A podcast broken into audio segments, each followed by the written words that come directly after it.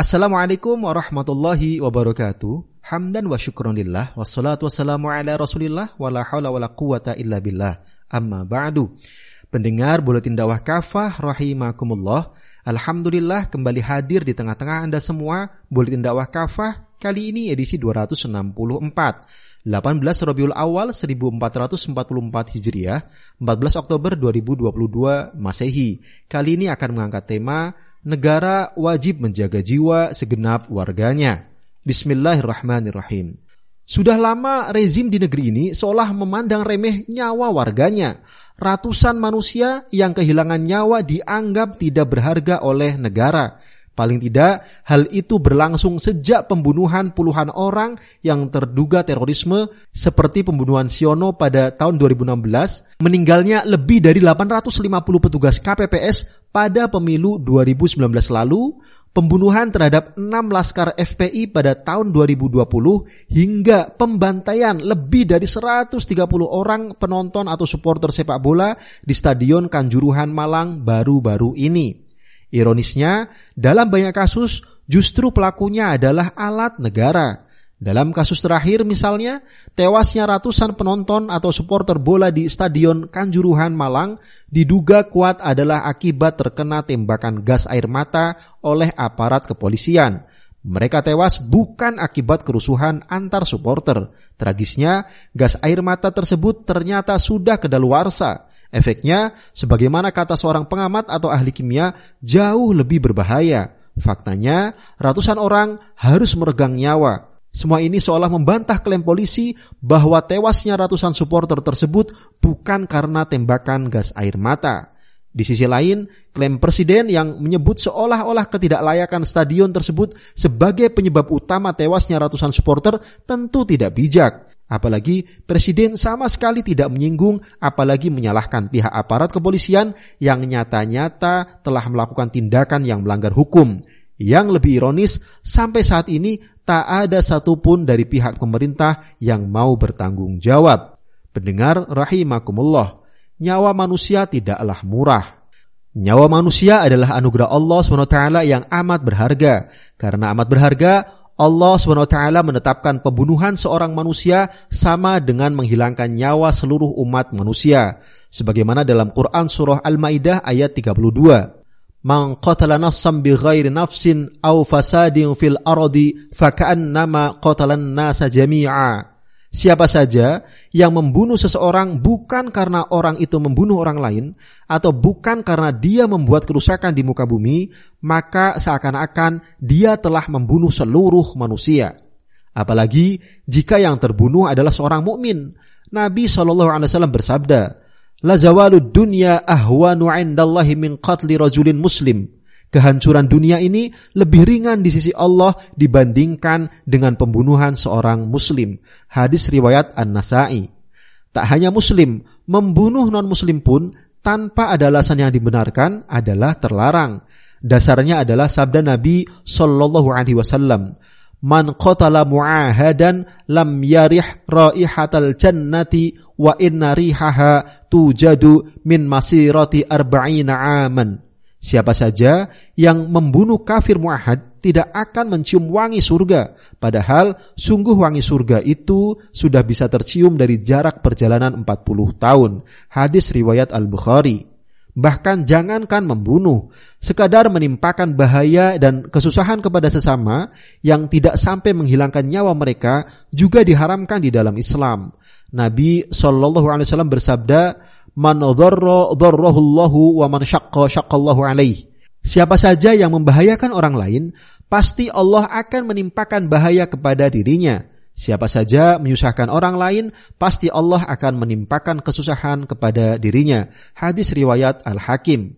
Apalagi jika pelakunya adalah penguasa yang menimpakan kesusahan dan bahaya kepada rakyatnya.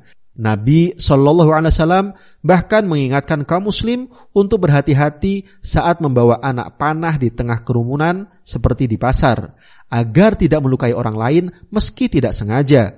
Beliau bersabda, "Idza marra hadukum fi masjidina aw fi suqina wa ma'hu nablun falyumsik ala nisaliha aw qala falyaqbidh bikaffihi an yusiba ahadan minal muslimina minha. Jika salah seorang di antara kalian melewati masjid kami atau pasar kami, sedangkan ia membawa anak panah, hendaklah ia memegang atau menutup mata anak panahnya atau memegang dengan tangannya agar tidak melukai salah seorang muslim pun. Hadis riwayat Al-Bukhari. Pendengar rahimakumullah. Ancaman keras terhadap pelaku pembunuhan. Allah SWT dan Rasulnya telah mengancam keras pelaku pembunuhan, terutama kepada orang mukmin. Pertama, pelakunya dinilai telah melakukan dosa besar. Bahkan Nabi Shallallahu Alaihi Wasallam menyebutkan bahwa membunuh mukmin adalah tindakan kekufuran. Sibabul muslimi fusukun wa qitaluhu kufrun. Menghina seorang muslim adalah kefasikan, sedangkan membunuhnya adalah kekufuran. Hadis riwayat Al-Bukhari. Yang kedua, pelakunya diancam dengan neraka jahanam dan dia kekal di dalamnya. Allah SWT berfirman dalam Quran Surah An-Nisa ayat 93.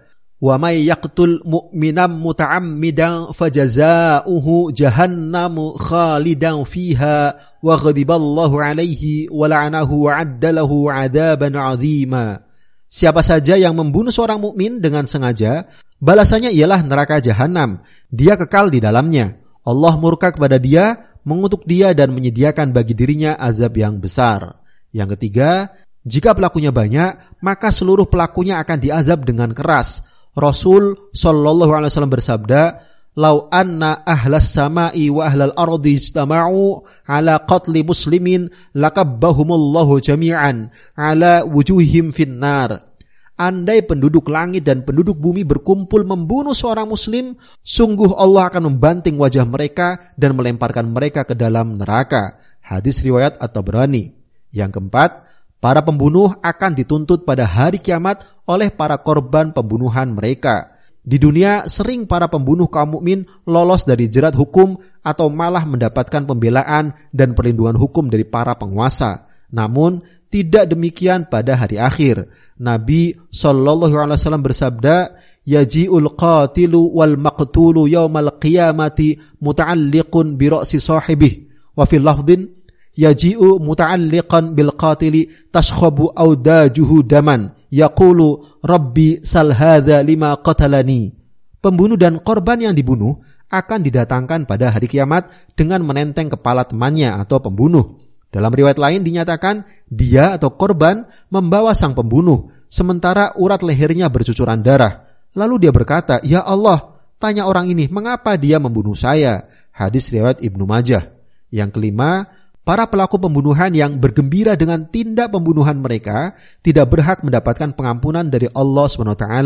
Sabda Nabi Sallallahu Alaihi Wasallam, "Man qatala mu'minan fa'tabata biqatlihi lam yaqbalillahu minhu sorfan wala adlan." Siapa saja yang membunuh seorang muslim lalu dia bergembira dengan pembunuhan tersebut, maka Allah tidak akan menerima tobat dan tebusannya. Hadis riwayat Abu Dawud. Pendengar rahimakumullah tanggung jawab negara. Negara sudah seharusnya bertanggung jawab dalam menjaga dan memelihara jiwa setiap warganya. Jangan sampai ada seorang warga negara pun, muslim ataupun non-muslim, yang harus kehilangan nyawanya tanpa alasan yang dibenarkan. Karena itu, untuk mencegah tindak pembunuhan yang disengaja, negara dalam Islam wajib memberikan sanksi yang keras berupa hukuman kisos kepada pelaku pembunuhan.